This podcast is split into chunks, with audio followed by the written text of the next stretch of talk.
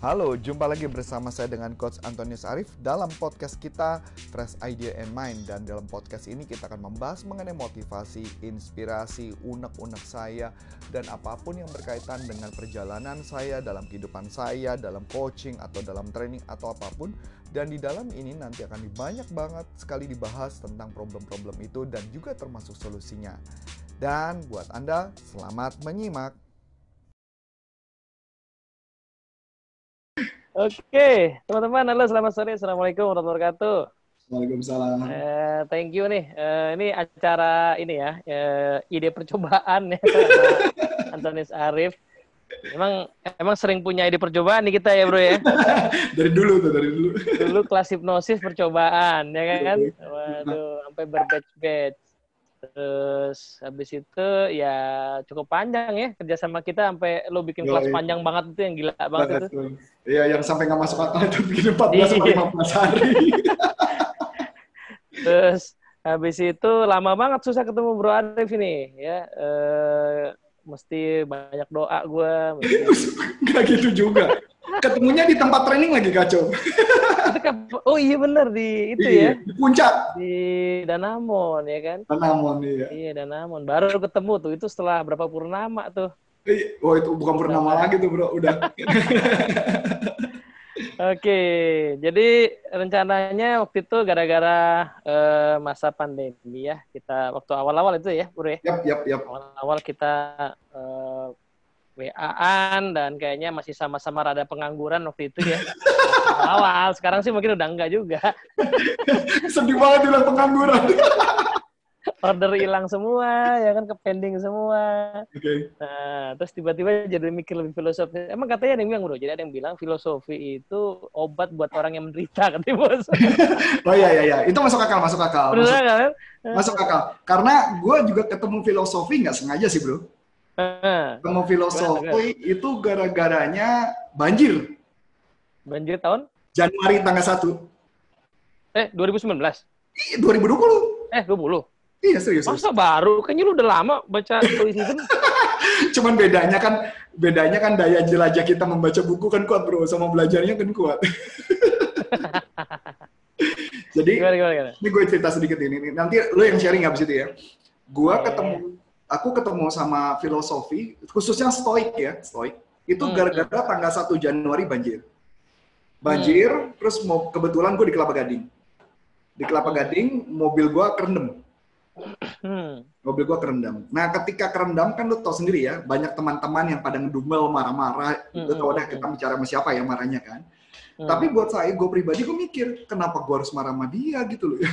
Karena nggak hmm. kalau gue marah sama sama si gubernur, kok menurut gue kayaknya nggak etis juga ya. Menurut gue nggak masuk akal buat gue. Ya, dari itu akhirnya totonya ada temen gue ngomong, e, bro, itu Pak Anies tuh kayaknya stoik loh. Dia bilang gitu ya. Oh, kita nyebut namanya nggak apa-apa ya. Tapi hmm. udah mengenal baik ya. Pak yeah, Anies yeah. tuh stoik. Really? Iya stoik. Gue penasaran maksudnya stoik apa. Karena nggak pernah di kepala gue denger stoik itu kayaknya nggak nangkep gitu ya. Mungkin juga kita, kita lagi ngobrol ini mungkin karena lagi pusing nih. Apa lagi nih makhluk apa nih stoik gitu ya. Akhirnya saya ketemu dan diceritakan bahwa ada salah satu buku namanya Filosofi Teras. Hmm. Nah, yang nulis adalah uh, Om Manampiring atau Om Henry Manampiring. Iya, iya, iya. Gue bukunya. Ketika beli pertama, beli di Tokopedia, biasa kan cari yang paling murah. Begitu murah nyampe ternyata fotokopian. Serius lo? Bete banget bener, asli saya bete banget. Lagian cari yang beli murah bro, jangan malu-maluin dong. Ya makanya, kan gue berasumsi kan siapa tahu itu harga itu adalah harga yang dari gudang yang kemudian nggak kejual. Karena gue nggak tahu kalau buku itu best seller banget men, asli gue nggak tahu itu best seller. Dan akhirnya gue putuskan, gue beli lagi. Hmm. Bener gue beli lagi, gue beli lagi bukunya original kali ini gue beli mahal. Dari pelajaran ini jangan pernah beli buku yang murah, udah pasti gitu. Hmm. Belilah yang eh, akhirnya setelah itu gue masuklah di grup filosofi teras Stoik Indonesia. Hmm. Nah ketika masuk Stoik Indonesia, lo kok kaget? Ada sahabat gue Teddy di situ. Berarti dia belajar lebih dulu kan gitu. Gue kaget ada ada lu, terus ada satu lagi ada Stefan Sonorus, eh. siapa lagi ada tiga orang. Ada tiga orang. Cuman memang nggak pernah bicara itu kan. biasanya yang nggak pernah bicara itu menunjukkan bahwa kelasnya mereka udah level tinggi. Jadi nggak pernah Bukan bro, nggak tahu apa yang mau diomongin karena masih kosong kepalanya. Ada bohong gitu. Itu kan bohong banget. Padahal dia bicaranya ngomongnya bacanya udah Plato, Aristoteles. Aku baru bacanya baru Stoik doang gitu. Itu kan belum tentu ngerti, Bro. nah, singkat cerita, akhirnya aku baru gabung di sana dan mulai tertarik lah ngebahas. Ternyata banyak dari sudut NLP sih. Yes, sudut yes, NLP. Yes. Kayaknya gue merasa, ih cakep ya.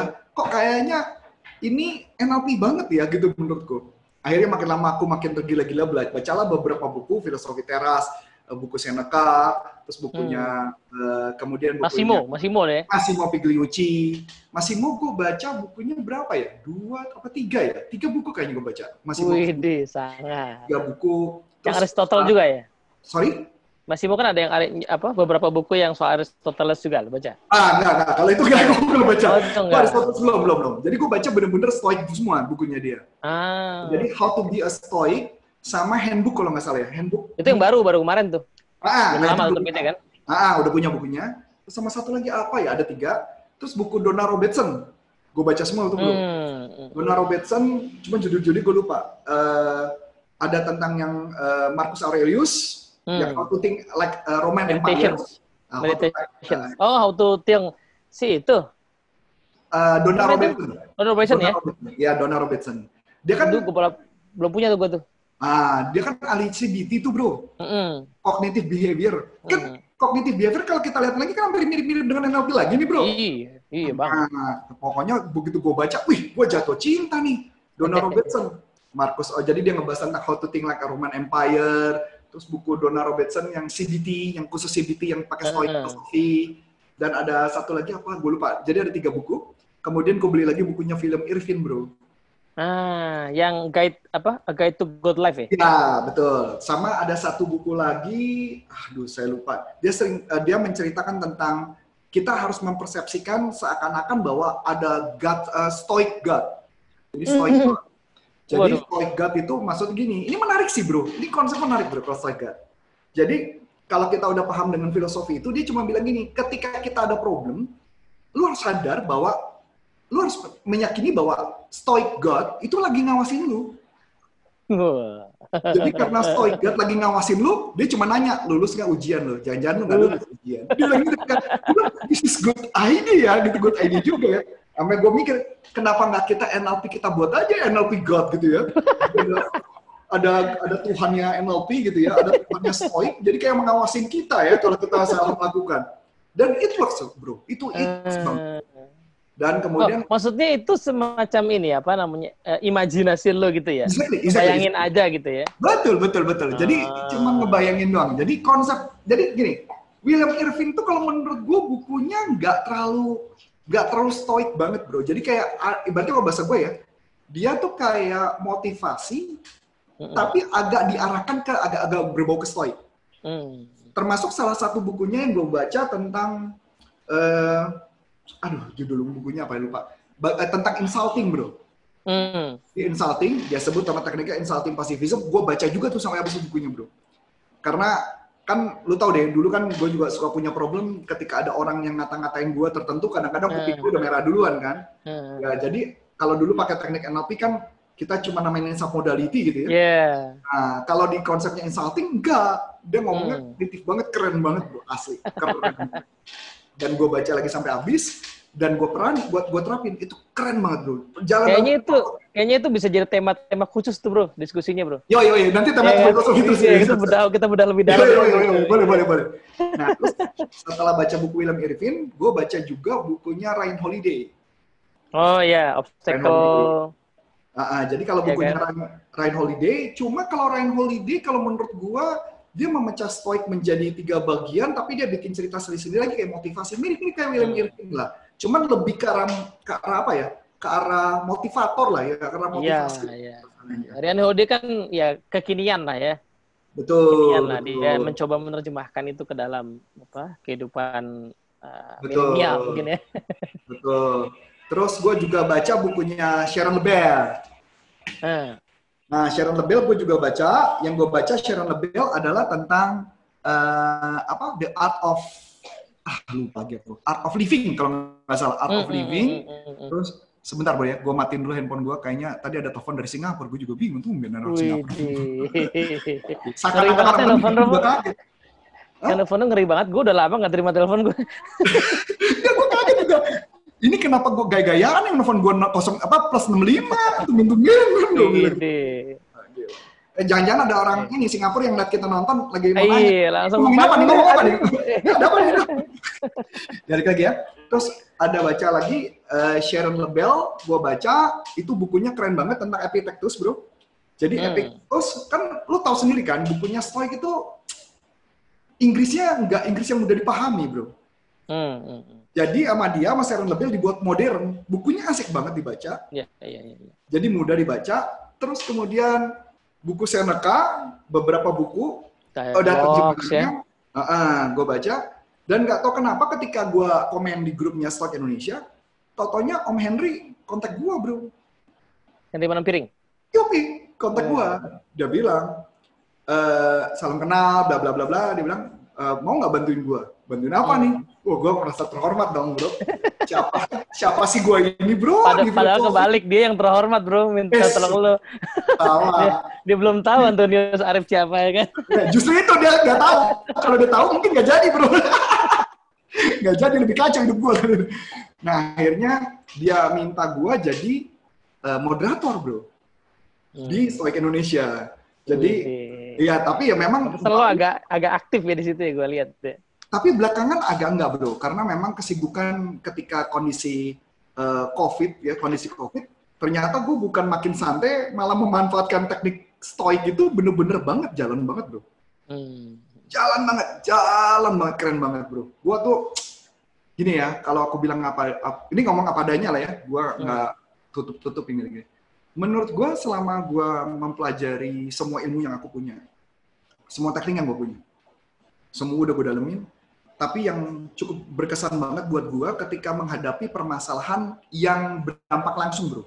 Berdampak langsung maksudnya ketika ada orang yang ngomong sama gue, kuping gue panas, emosi tuh men. Dan hmm. itu hanya stoik menurut gue yang keren banget sih bro. Yang kena banget gitu ya? Kena banget. Dan bahkan gue bisa di stoik itu ya gue bisa ngobrol sama ketika menghadapi khususnya ke pasangan. Ya kan hmm. kalau nggak salah Plato ya yang cerita ya. Plato ya kalau nggak salah punya istri yang galak juga kalau nggak salah dan katanya Plato apa Aristoteles? Kayak Plato deh. Jadi hmm. istrinya galak, dia bilang dia bersyukur punya istri itu. Hmm. Karena istrinya itu yang mengajarkan dia filsafat katanya. Oh iya, tapi kan anak nggak galak kan bro?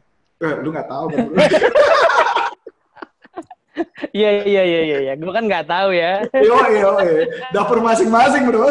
iya benar benar benar. Memang rumah tangga itu penuh dengan misteri dari luar. Ah, ah, ah, Tapi gue bersyukur sih bro. Jadi dari kalam pengalaman tersebut, gue mulai belajar supaya tidak mengulangi kesalahan yang sama kedua kali bro. Hmm. Nah itu yang kerennya di Stoic. Dan bahkan jalan banget lo ke anak gue Jenis dan Matthew lo. Hmm. Wih jalan banget bro, jalan banget. Dan itu yang gue bisa bilang Stoic sih sinting sih bro filsafat tuh sinting. Makanya bawa lah gue penasaran, eh Tete lo ngobrol sama gue tentang filsafat gue. Iya, yeah, karena, guys.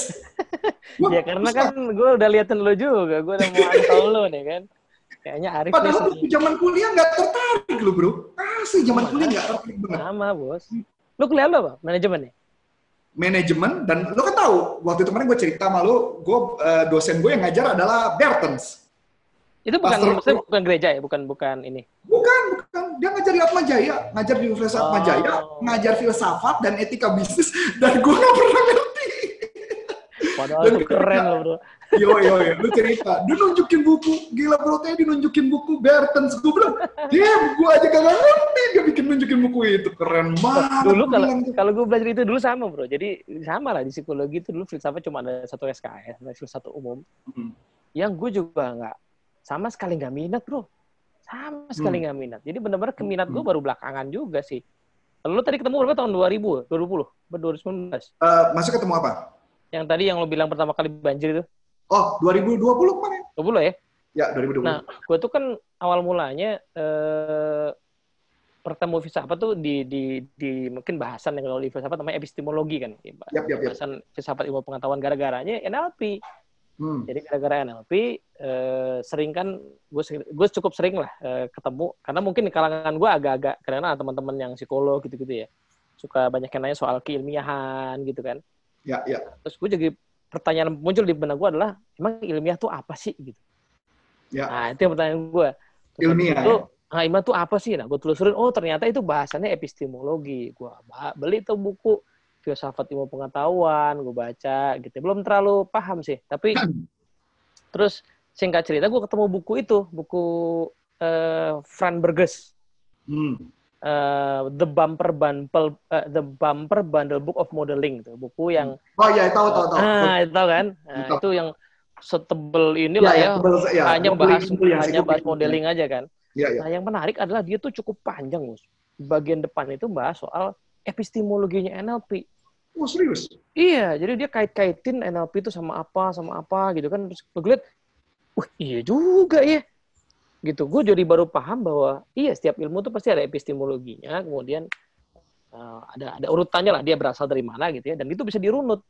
Even hmm. mungkin penemunya nggak nggak mesti sadar bahwa mereka terbawa arus itu belum tentu sih. Masuk akal, masuk ya, kan? akal. Eh, jadi, nah plus gue jadi baca lagi bukunya Michael Ho yang sejarah NLP itu kan Ya, ya, yang, Kemudian Michael Lacan kan berupa berupa ber, dia berupaya me, apa, merunut kan NLP itu sampai ke Korzybski, sampai ke mana-mana lah kita Maslow, Korzybski gitu-gitu kan yang menurut dia ya bisa jadi Bandler gini sendiri nggak nyadar bahwa mereka sebenarnya ada di dalam arus filsafat tertentu gitu dan itu wajar-wajar aja kita suka nggak nyadar bahwa kita ada di dalam arus filsafat pemikiran tertentu. Betul betul.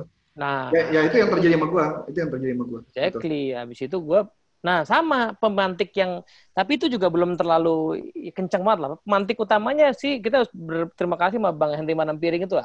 Yep, ya. yep, yep. Jadi gara-gara di Twitter ada yang retweet dia filosofi teras apaan nih? Tadinya kebayang gue itu bahas filsafat dari sebuah teras gitu bayangan gue. Soalnya ada kan filsafat arsitektur misalnya gitu kan ada tuh. Uh, nah, ini menurut gue, oh nih membahas filsafat dari sebuah teras tuh maknanya apa? Gue pikir gitu. Gue langsung pesen aja kayaknya lucu nih buku kan. Oh, tapi walaupun lu gak tahu isinya apa itu ya bakal ya? Tadi gue gak tahu, gue gak tahu stoicisme itu apa. Jadi gue belum nyampe ke situ. Jadi gue hanya tadi baru-baru sesi epistemologi terus pas ada filosofi teras gue lucu nih. Eh, membahas teras sampai gimana ya? Gue beli aja. Gue baca, uh stoicisme, nah terus Massimo gue baca, Nah, terus uh, ya Zeno akhirnya kan ini ya, akhirnya terus begitu dapat titik ada komentar itu ya, tapi ya ini kan komentar ya, tapi komentar yang mengatakan bahwa semua filsafat itu catatan kakinya Plato gitu kan. Iya, iya, lu ngomong tuh. Iya, itu. Itu agak menampar tuh. itu sebenarnya itu bombastis sih, Bang. Cuman gue, iya, iya. terus gue coba runut, iya benar juga ya. Jadi filsafat modern Barat itu kan ya memang yang dianggap akhirnya apa ya mempengaruhi seluruh pemikirannya dari Plato kan. Karena kalau dibilang Socrates itu gurunya tapi kan kita nggak tahu Socrates kita hanya tahu Socrates lewat Plato juga. Jadi kalau di situ di buku-bukunya Plato kisahnya Socrates ngomong itu entah beneran dia menghafal kalimat gurunya entah sebenarnya udah masuk pikiran dua kita nggak tahu. Jadi titiknya sebenarnya Plato. Nah sebelum Plato kan yang disebut sebagai filsafat pra Socrates itu sebelum Socrates itu bagi kita sekarang udah nggak masuk akal bro. Soalnya bro Oh ya? Iya, jadi kayak ajaran-ajaran, jadi filsafat yang mulai bahas kehidupan, yang seru lah buat kita ya. Itu mulai dari Plato, bahas etika, bahas hmm. negara, gitu. Nah, sebelum Plato itu bahasnya soal ini, uh, soal fisika, kaum hmm. fusiko gitu. Misalnya kayak dunia ini esensinya apa sih, gitu kan? Ya, ada yang ya, bilang ya. air, hmm. ada yang bilang api. Nah, mereka bahas-bahas kayak gitu yang bagi kita orang zaman sekarang ya udah ada ilmu yang lebih modern. Yang bisa dibahas lah kata gitu iya, ya. tapi etika itu kan selalu aktual ya. Betul. Etika itu selalu aktual. Nah, itu yang membuatku makin uh, seru ya. Gue cobain lah. Baca Plato.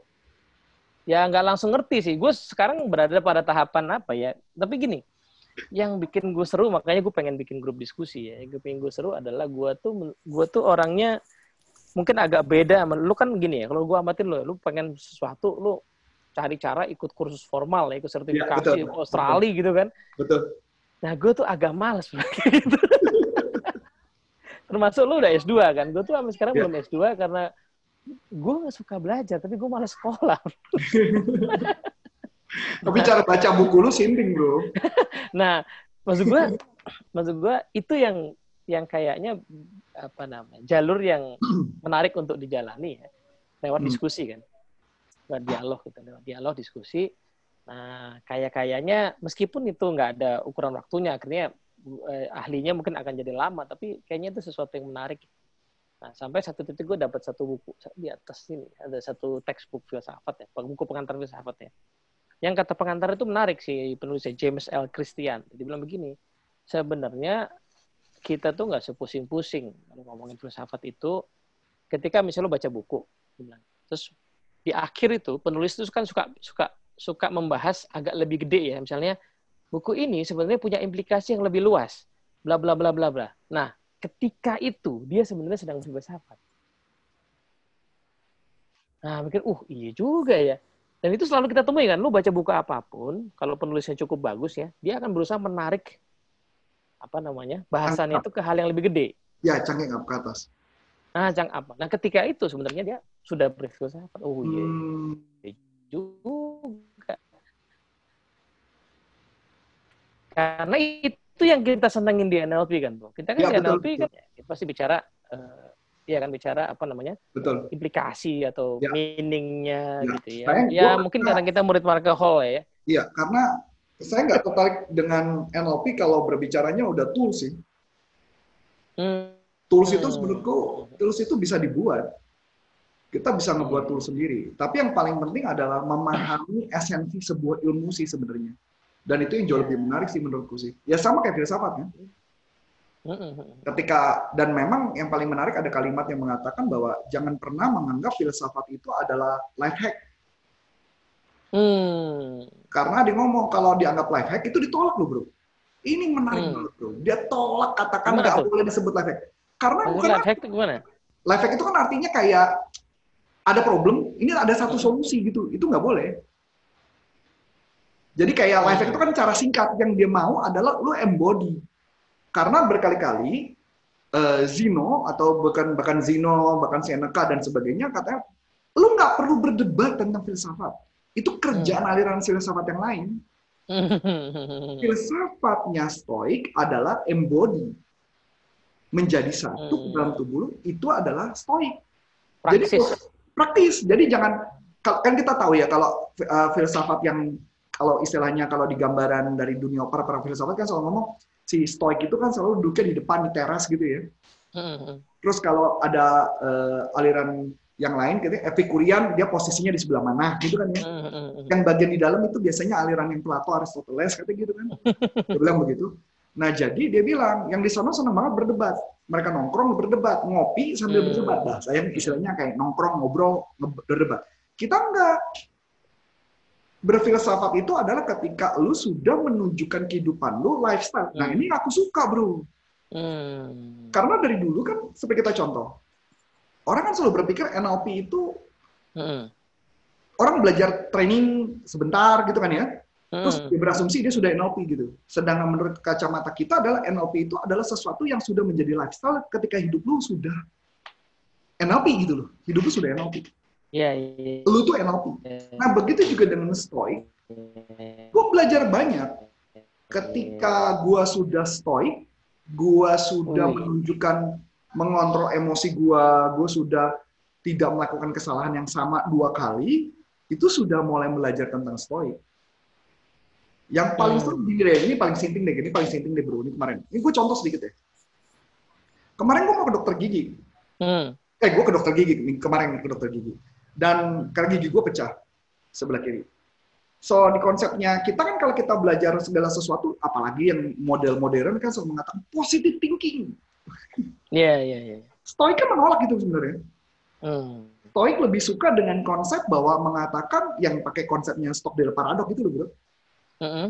James Stockdale Paradox yang mengat yang diambil kisahnya dijadikan buku Good to Great oleh Jim Collins. Iya, yeah, iya, yeah, iya. Yeah, Nah, dia cuma mengatakan, lu boleh berpikir positif, tapi lu harus melihat realitanya apa. Uh-huh. Dia bilang itu. Jadi artinya, jangan berpikir positif, tapi lu nggak ngeliat realita hidup lu. Uh-huh. Nah, sama. Waktu gigi gua pecah, kan banyak kan orang kalau dokter gigi bilang, semoga gigi gua nggak dicabut. Kan gitu ya, nah. ya takut kan apalagi gue gua dapat kabar kan uh, lu kenal lah pasti kenal salah satu teman kita hmm. adalah bu dokter gigi Leni Iya kan? Lo ke dia? enggak, enggak, gue cerita. Jadi waktu itu gue tanya sama Lenny. Jadi gue foto gigi gue. Lenny bilang, ini pecah coach. Ini udah pasti lo harus dicabut. Cabut ya kan? Ya udah, tapi itu kan baru dugaan dia. Karena dugaan hmm. dia dari ngeliatnya di penambangan penambangan luar. Walaupun belum tentu dicabut kan. Tapi coba aja gitu kan. Dibantu sama Lenny karena Lenny kebetulan eh, kliniknya nggak bisa buka bro. Karena dia belum hmm. siap tuh untuk itu. Nah singkat cerita, gue berang, gue ketemu, gue cari dokter, susahnya minta ampun dan ternyata dapat satu dokter, satu klinik dan dia pakai APD bro, lengkap banget APD-nya bro. Udah pakai kacamata Google, pakai lagi tutupan muka masker. Maksudnya ini baru-baru ini? Ah, baru, baru kemarin. Baru kemarin. Oh, oke oke oke. Ini hari apa? Oh iya benar kemarin, persis persis. Makanya tadi gue juga mikir kalau lu rekaman 4, gue cuma mikir ini gigi gue bengkak nggak ya? Tapi kayaknya udah baik-baik aja, Bos. Nah, yang makanya gue mau cerita itu, bro. Uh. Nah, akhirnya uh, dengan kondisi kepala gue sakit kan, bro, karena gue nahan sakit kan. Lenny ngasih gue obat. Thank you banget gue sama Lenny. Lenny keren banget lah buat gue. Dia ngasih gue obat, tapi gue gak makan, gue gak minum. Lo tau kan apa yang gue lakukan? Gue hipnosis.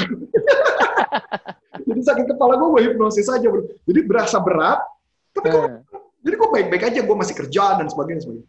Ke dokter gigi dong. Nah, Stockdale Paradox kan mengatakan adalah lu harus berpikir positif tapi ngeliat realita. Hmm. Jangan berpikir positif bahwa gigi lu gak dicabut, betul nggak bro? Nah, ketika di rumah sakit, jadi pada saat gue di sana, gue cuma berpikir satu hal bro. Gue cuma berpikir kalau dicabut, apa yang harus gue lakukan? Premeditatio hmm. malorum bro. Hmm.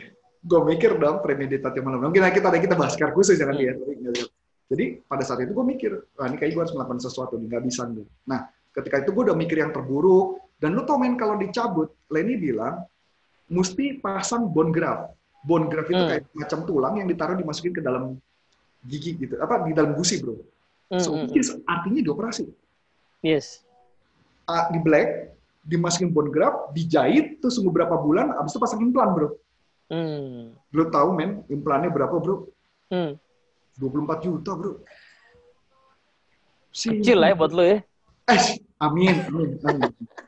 Tapi yang buat buat tantangan yang paling menarik adalah di dalam uh, itu Leni sih harganya lebih menarik, lebih murah. Jadi kalau buat teman-teman hmm. kalau nanti Leni sudah siap pergi ke dokter Leni. Iya, benar. Leni Dahlia itu udah. Iya, benar benar benar. Itu rekomendasi. itu Wah, itu jelas, Bos. Itu anak gue selamat lah pokoknya situ. Wih, keren ya, keren. Oh ya? iya, keren banget. Nah, lanjut nih. Abis itu gua akhirnya gue ke dokter gigi dia udah langsung mengeluarkan dua skenario bro hmm. dua skenario jadi gue udah mikir nih kalau pokoknya dicabut disuntik kan kayaknya imagine gimana pun juga walaupun gue hipnoterapis kalau bayangin suntik di dalam gusi kayaknya gak seru juga lucu juga gitu depan mata gue kan tapi udahlah gue pasrah lah saya kira gue udah mikirin dah siap sampai di sana dia udah bikin dua skenario satu skenario pertama adalah cabut skenario kedua adalah Skenario kedua adalah dipotong sebelah, kemudian di, uh, dirawat syaraf, kemudian dimasukkan pin, kemudian di, dibuat kayak bangunan, terus kemudian baru ditemuin giginya. Jadi bikin gigi. Oke lah, siap lah. Ternyata setelah dia sama dia, dia nanya sama gue, e, Pak, saya mau cabut gigi Bapak yang sebelah sana. Punya tensi nggak? Saya bilang, dulu saya punya. Dulu. Sekarang, ya harusnya sih nggak. Tapi kepala saya sih berat. Curiga gue sih, gue lagi tensi. Emang kenapa dok? Nggak, kalau tensi lagi tinggi, Bapak nggak boleh disuntik bius nggak boleh. Ya udah tensi lah tensi. Dua kali di tensi bro, 175 per 105, 105 bro. Hmm. Tinggi dong bro, nggak berani dong disuntik. Dia bilang, gue korek aja ya. Ya korek, pakai dicabut dan sebagainya. Tahan ya pak, tahan. Udah tau yang gue lakukan, gue hipnosis bro. dan sebentar dong keluar bro. Udah keluar kan, tamu hmm. udah beres, udah. Tau yang terjadi? Ternyata nggak dicabut loh bro. Ternyata? dan juga ternyata nggak dijahit nggak apa nggak diperbaiki sarafnya walaupun lain ini hmm. bilang pasti harusnya diperbaiki saraf ya tapi paling nggak paling nggak gigi gue diselamatkan bisa diselamatkan bro hmm. dan tidak sakit dan tidak apa pun nah hmm. yang menarik maksud gue adalah gini ini kok paling suka banget dengan Stockdale paradox sih bro jadi Stockdale paradox cuma bilang mengatakan boleh berpikir positif tapi jangan terlalu positif hmm. apalagi menghadapi masa-masa lagi covid kan Iya, iya, iya. Nah, jadi kenapa si gua, bro, kalau lu tanya, kenapa gue sibuk banget? Gue sibuk karena uh, memikirkan kalau ini ceritanya panjang, apalagi kayaknya udah mulai dapat gosip katanya bakal ada kayak katanya nih, katanya. Mm -hmm. Katanya ya, bukan dari gua nih katanya. Bakal ada rencana herd immunity katanya. Hmm. Ya, I don't care lah apa pun yang terjadi. Tapi buat saya pribadi adalah gue mempersiapkan kalau sampai itu terjadi, apa yang harus gue lakukan? Hmm. Berarti bisnis di dunia training itu kan jadi problem kalau kita nggak siap siap hmm. teknologi. Nah itu yang gue siapin bro. Makanya kalau lu lihat uh, ditanya, gue jauh lebih sibuk nggak? Jauh lebih sibuk sekarang bro. Bahkan Sabtu Minggu pun gue kerja. Apalagi udah malah nggak ingat hari gue asli beneran. lu pasti lupa hari ini libur kan? Hari ini gue libur gue lupa. gue lupa. Gue tahu ini libur setelah gue tahu tadi pagi gue ke gereja sih bro. Gerejanya pun virtual kan gitu kan. Jadi dari pengalaman tersebut dan lucunya setelah gigi gue dicabut dan sebagainya, tensi gue 105 per 10 iya 108, 108 hmm. per, per 85 bro. Tanpa obat sama sekali gue mengambil. Hmm. Nah jadi buat gue pelajaran penting adalah, ih gila ya, sebenarnya dulu gue orangnya berpikir positif ya. Berpikir positif mengatakan, enggak lah, gigi gue baik-baik aja, nggak bakal dicabut. -hmm. Ternyata pemikiran stoik, pemikiran Stockdale paradok itu mm. bener banget, bro. Iya, iya, iya. Epictetus banget, bro. Epictetus banget. Atau mungkin gini, bro ya. Jadi kalau kita agak belok main sedikit kita oh, balik lagi ke ke filsafat bahasa ya. Istilah berpikir positif tuh mungkin definisinya udah terlalu apa ya nyampur. Iya kan? Kalau tadi misalnya kalimat contoh berpikir positif yang lo maksud adalah ah gigi gua nggak akan dicabut. Hmm, hmm, hmm. Jangan-jangan itu sebenarnya bukan berpikir positif, jangan-jangan ya. Bisa jadi. Nah, bisa jadi yang disebut berpikir positif itu misalnya kayak ya gigi gua harus cabut, tapi toh ada jutaan orang setiap hari dicabut giginya dan baik-baik aja ya kan yang nyabut gue juga orang yang kompeten lah ya uh, memang dokter gigi lain-lain tapi kan dia udah lulus DRG itu pasti udah kompeten. Iya, ya pasti lah. Nah, mungkin itu ya itu sebenarnya yang dimaksud dengan berpikir positif. Cuman kan kita sekarang kadang-kadang mungkin udah nyampur dengan yang tadi ya dengan loa. Loa dalam arti iya. tadi ya yang yang seolah-olah kita bisa control everything gitu ya. Nah, ini bro, ini menarik bro. Kalau lo ngomong loa bro. Nah, ini asik hmm. nih, asik nih, asik nih, asik nih. Kan lo tau gue kan aliran loa nih bro. di loa kan katanya harus berpikir positif. Ternyata uh. ada jawabannya, bro. Uh. Jawabannya stoik banget juga lagi, bro. Hmm. Kan ada tiga, tiga, tiga dasar pilarnya kardinal, kardinal, kardinal ilmunya kan ada tiga, bro. Hmm. Ya kan? Ada desire, ada action, hmm. ya kan? Ada asen, bro. Hmm. Nah, kata kunci loa sebenarnya ada di asen, bro. Yaitu wisdom. Wisdom maksudnya apa? Ketika gue telah lebih baik, bro, itu luar banget, bro. Walaupun gue tahu banget di grup itu, banyak yang mengatakan stoik tidak luar banget katanya. Saya bilang salah. Stoik itu luar. Karena istilah loa sendiri juga tadi. Ke, mau naik lagi ke atas dicakap lagi. lagi cakap lagi, cakap lagi. Benar, iya, kan? Karena di kalimatnya dia begini, bro ketika informasi masuk atau bahasanya dia adalah representasi masuk NLP hmm. banget kan? Ini ngomongin NLP hmm. itu ini loanya uh, Lozier nih. Uh, bukan bukan bukan. Bukan. Ini loa dalam arti dalam artinya si uh, Esther. Oh Esther. Ah, Esther ya. Jadi Esther Hicks ya. Jadi dia sebenarnya sama aja bro. Baikun Joe Vitale juga sama. Hmm. jadi kan intinya konsepnya lo kan simple bro. Representasi masuk asen muncul Makanya kan disebut wisdom, virtue-nya wisdom. Gue mengiyakan nggak? Asen itu kan artinya mengiyakan. Jadi ketika misalkan mengatakan, gue disenggol mobil gue jebret. Nah, gue mengiyakan apa hmm. dari tabrakan mobil itu? Kalau gue mengiyakan bahwa itu sial, berarti loanya narik dong, bro. Hmm. Sial dong. Tapi pertanyaan menarik, kalau mobil gue ditabrak terus gue bilang mengiyakannya adalah gua harus lebih hati-hati. Hmm. Loanya apa? Ya hati-hati tadi, bro. Hati. Betul dong? Boleh nggak gua bikin lebih gila lagi? Ditabrak, gua mengiyakannya adalah pas ditabrak, wah sebentar lagi gue dapat duit nih rezeki lebih banyak lagi nih. Wih. Karena lo, lo punya perusahaan asuransi soalnya. Punya perusahaan. maksudnya klien gua asuransi maksudnya. Oh iya, mobil gua ada asuransi. Iya kan, kalau lo punya perusahaan asuransi kan, lo ditabrak, ye. Iya, iya, iya, iya, mobil gua. Atau lo punya bengkel, lo punya bengkel. Iya, iya. Nah, jadi maksud gua kasih gambarannya menariknya adalah, sebenarnya ada satu ilmu, di stoik itu ada yang namanya asen itu, bro. Hmm. Jadi kalau orang bilang berpikir positif dalam konsep loa, itu dibuat mentah-mentah, hmm. akibatnya kita jadi malah salah kaprah. Ya, ya, ya. Tapi kalau kita melihat kan, baik lagi, asen itu kata kuncinya actionnya mau ke arah ke mana? Hmm. Kalau ngarahnya ke positif, ya nggak masalah toh, baik-baik aja. Jadi itu sih yang jadi gue menariknya. Makanya kenapa gue bedah banget, gue kayak ketemu mainan mainan dan harta karun yang paling berharga bro. Dan ini yang gue cari selama ini, hmm. yaitu adalah asen. Hmm. Asen tuh bahasain kalau si Romo siapa yang bikin buku Ataraksi ya? Romo Setio, Setio Bobo. Ah, Romo Setio, dia ngomong bro bahwa dia cuma mengatakan bahwa asen itu artinya mengiyakan. Hmm. Bahasanya dia. Kalau kita kan cari di uh, kamus itu kan kalau cari Google Translate asen itu apa ya bahasanya? Menselaraskan. Gue nggak nangkap hmm. tuh di kepala. Tapi dibuat terjemahannya sederhana lah mengiyakan. Jadi representasi masuk diiyakan jadi opini. Iya, itu kalau di main to muscle ya, kalau di kalau Exactly, di, exactly. Iya kan? Iya betul. Nah, kalau kita kan NLP selalu ngomongnya persepsi kan, Bro? Hmm. Nah, gue suka banget dengan bahasanya Romo Setio. Hmm. Dia ngomongnya apa? Opini. Hmm. Representasi masuk dijadikan opini, opini. Ya, menjadi opini. Nah, opini itulah yang akan menarik loanya ke arah mana sebenarnya.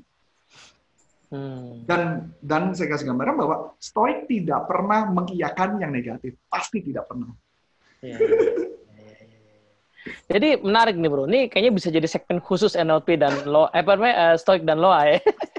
karena karena gini, gue gue satu hal yang gue pelajari sependek inilah ya, gue bilang masih pendek banget ya perjalanan gue di. Tapi gini, gue ketemu filsafat ini menariknya, mungkin sama juga dengan lo ya bahwa uh, kayak gini, NLP itu gue jelas gue belum menguasai semua hal di NLP lah. Ya. Gue cuman tahu mungkin, tapi belum gue semua. Tapi at least merendah, merendah, merendah, merendah. serius, serius, merendah, serius, serius, serius. Ya, ya. gue cuma tahu, tahu mungkin dia, tapi menguasai mungkin belum semua. Tapi kan gini, kadang-kadang kita kalau belajar ilmu, kayak manajemen lah, bro. Manajemen tuh kan, lo mungkin udah nggak ngikutin yang yang yang baru-baru. Tapi somehow lo tahu lah ya, core-nya, ya. kira-kira gimana, lo buat running bisnis kayak gimana, tahu ya. lah gitu. Nah, ya. NLP kan udah pada tahapan itu lah. Gue ngerasa begitu ya. Jadi ini ada jalur nih ilmu namanya NLP. Nah begitu ketemu filsafat tuh kayak dari sungai ketemu samudra bro. Setuju, setuju. Ya, kan? Setuju banget bro. Kayak, ini bahkan yang gue cerita malu itu gue baca buku Heidegger misalnya gue tuh nek nekat aja bro gue baca buku-buku yang orang-orang bilang sulit gitu ya gue nekat aja gue baca nanti paling kalau pusing gue taruh dulu sambil gue baca lagi gitu. Ya, ya. Nah jadi kayak gue pernah pertama kali gue baca Heidegger itu dua halaman gak lewat terus. Buset. Karena gue nggak ngerti mau ngomong apa sebenarnya. Jadi gue taruh lagi. nah, tapi lucunya someday gue baca buku pengantarnya. Nah, filsuf Indonesia, apa Prof. Uh, Prof. Apa, Romo juga ya, Budi Adirman. Oh, Budi Adirman. Nah, itu gue baca pengantarnya. Habis baca pengantarnya, gue coba ulang, baru ngerti. Oh. Jadi kayak apa ya? Mungkin kayak ilmu itu seperti di pikiran kita tuh kayak emang harus ada. Kalau kita mau nanam Jembatannya ya? Iya, tanahnya tuh mesti di ya, ya, diuruk dulu dulu. Ah, nah, ya, gitu. Ya, Jadi mesti lewat pinggir lah gitu kan. Iya, iya. Kitanya nah. sosokan mau ke dalaman tapi ketenggelam gitu. Belajar renang langsung di samudra ya, Mas. Uh, setuju, tapi tapi itu menarik juga gini. Maksud yang yang sangat menarik adalah nah sampai tadi gue mau cerita ini soalnya uh, akhirnya ketika belajar pelan-pelan belajar filsafat gue sampai satu titik satu ilmu yang so far sekarang gue dapat banget adalah menunda menunda judgment. Nah, keren. Kayak, kayak tadi tuh. Ya, ya wisdom, wisdom. Apa tadi ngomongin soal apa tadi uh, antara uh, berpikir positif sama stoicisme misalnya. Nah, gue menunda judgment. Kenapa? Karena jangan-jangan tadi itu istilah berpikir positif itu yang gue pahamin belum cukup komplit. Setuju which is mungkin nggak pernah juga cukup komplit ya karena bisa jadi positive thinking versi siapa sama versi siapa akan berbeda. Kalau kita gabungin sama versi kita sendiri juga akan beda kan? Pasti pasti. Nah, nah, tapi menunda menunda judgment itu akan membuat gue jadi bisa memahami banyak sisi gitu. Kan ya termasuk tadi tuh eh, eh, apa namanya eh, loa dengan tadi loa dengan eh, stoicism sama berpikir positif ya Ya. Kemudian stoicisme sama loa ya mungkin mungkin aja kita kaitin ya. Di titik, di titik tertentu semua ilmu akan ketemu ketemu uh, akar yang sama sebenarnya kan.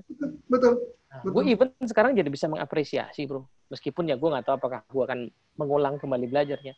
Gue bisa mengapresiasi ilmu-ilmu yang uh, gue dulu nggak suka fisika gitu ya matematika itu gue dulu kan anak IPA tapi masuk IPA tuh cuma buat ngetren doang ya buat keren-kerenan doang gitu kan yeah.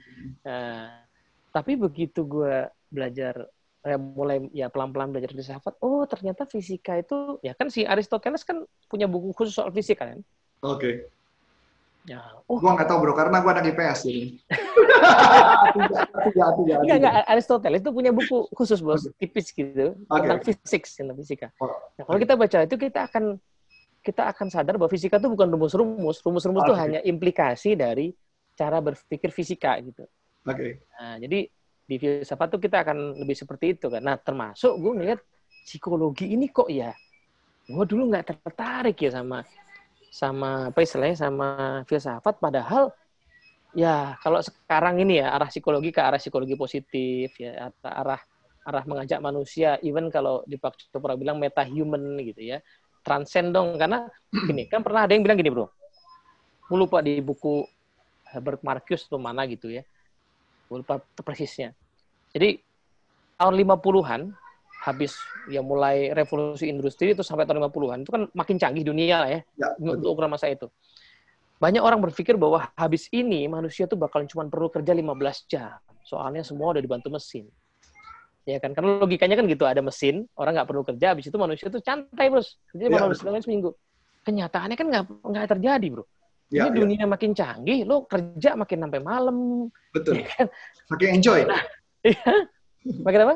Saking enjoy saking nah bisa saking enjoy bisa juga uh, emang gak ada hubungannya teknologi itu sama sama cara lo hidup sebenarnya gini bro nah ini ini ini ini ini, ini, ini di sudut pandang ya, sudut pandang kalau kita kerja di kantor kan kita ada jam pulang mm -hmm.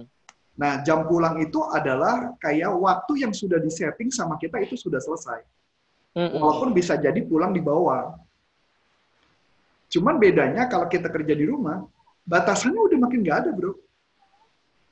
Ya, itu bisa, bisa, bisa. Itu itu satu angle lah ya. Ini teman-teman ya. kemarin juga cerita gitu. Nah, tapi ada angle lagi nih. Ini angle yang mungkin ada rada sok filsafat dikit. Gak apa-apa, apa, kita menjadi mungkin nanti kalau sempat mampir ke itu, gue udah agak lama sih gue bikinnya di mobil gitu. Gue bikin antara macet, gue coba membuat analisa sederhana apa hubungan macet sama atau apa penyebab macet itu sebenarnya gitu menurut gue. Nah, menurut gue penyebab macet itu adalah pola pikir materialisme, bro. Wah, ini benar filsafat berat. ini materinya nih. Ya, ya, lanjut, lanjut, lanjut, lanjut. ini nanti ada sambungannya sama soal teknologi tadi ya. Uh, kita agak-agak ini sok-sokan ya, coba sok-sokan iya, filsafat dikit. Iya. Jadi kenapa ini kita filsafat lah, kita filsuf, kita filsuf. Iya, sok-sokan filsuf. Gastrik, filsuf, street, street filsuf ya. nah, jadi gini, Kenapa macet? Jakarta lah terutama. Kenapa macet? Karena kan semua orang ke Jakarta. Hmm. Iya kan?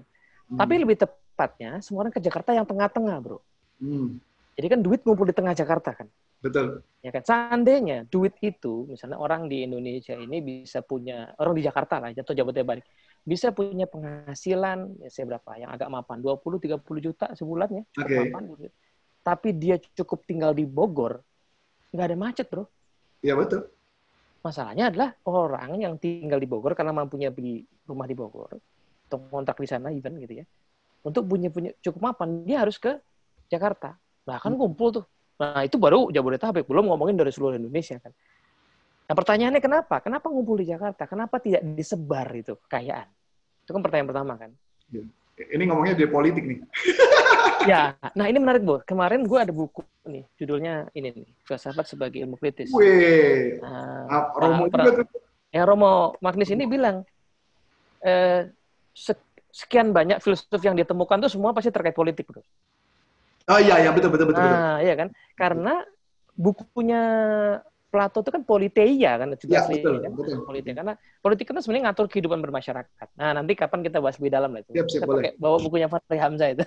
boleh boleh. boleh. Nah maksud gue gini, gue mau balik ke sini tadi ya yang soal materialisme ya. Kenapa ngumpul? Nah, karena ini uh, spekulasi gue ya. Karena bisnis itu akan lebih murah kalau resource-nya share. Hmm. Ya kan? Kan bisnis selalu mikir gimana untung segede-gedenya, uh, modal sekecil-kecilnya kan? Ya, ya. Nah, jadi kalau misalnya bisnis itu harus di lain-lain tempat kan ada transportasi, ada pengiriman, akhirnya nggak bisa murah. Kalau murah, ya. lo bikin gedung di Jakarta ini, lo, lo tinggiin kan tangannya cuma segitu kan, tapi kemudian lo tinggiin sehingga lo bisa potong itu jadi cost jadi murah. Ya. Pertanyaannya kenapa harus begitu?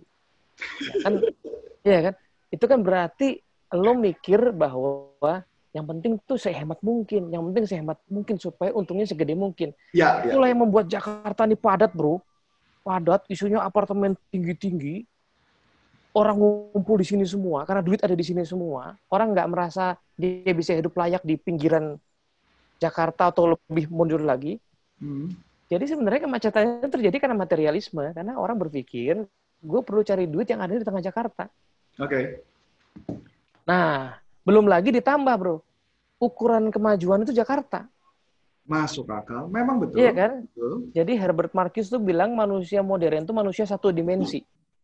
Dimensinya sama, dibuat seolah-olah sama. Bahwa, uh, apa namanya, mall, lo ke Medan, ke mall, isinya sama sama Jakarta.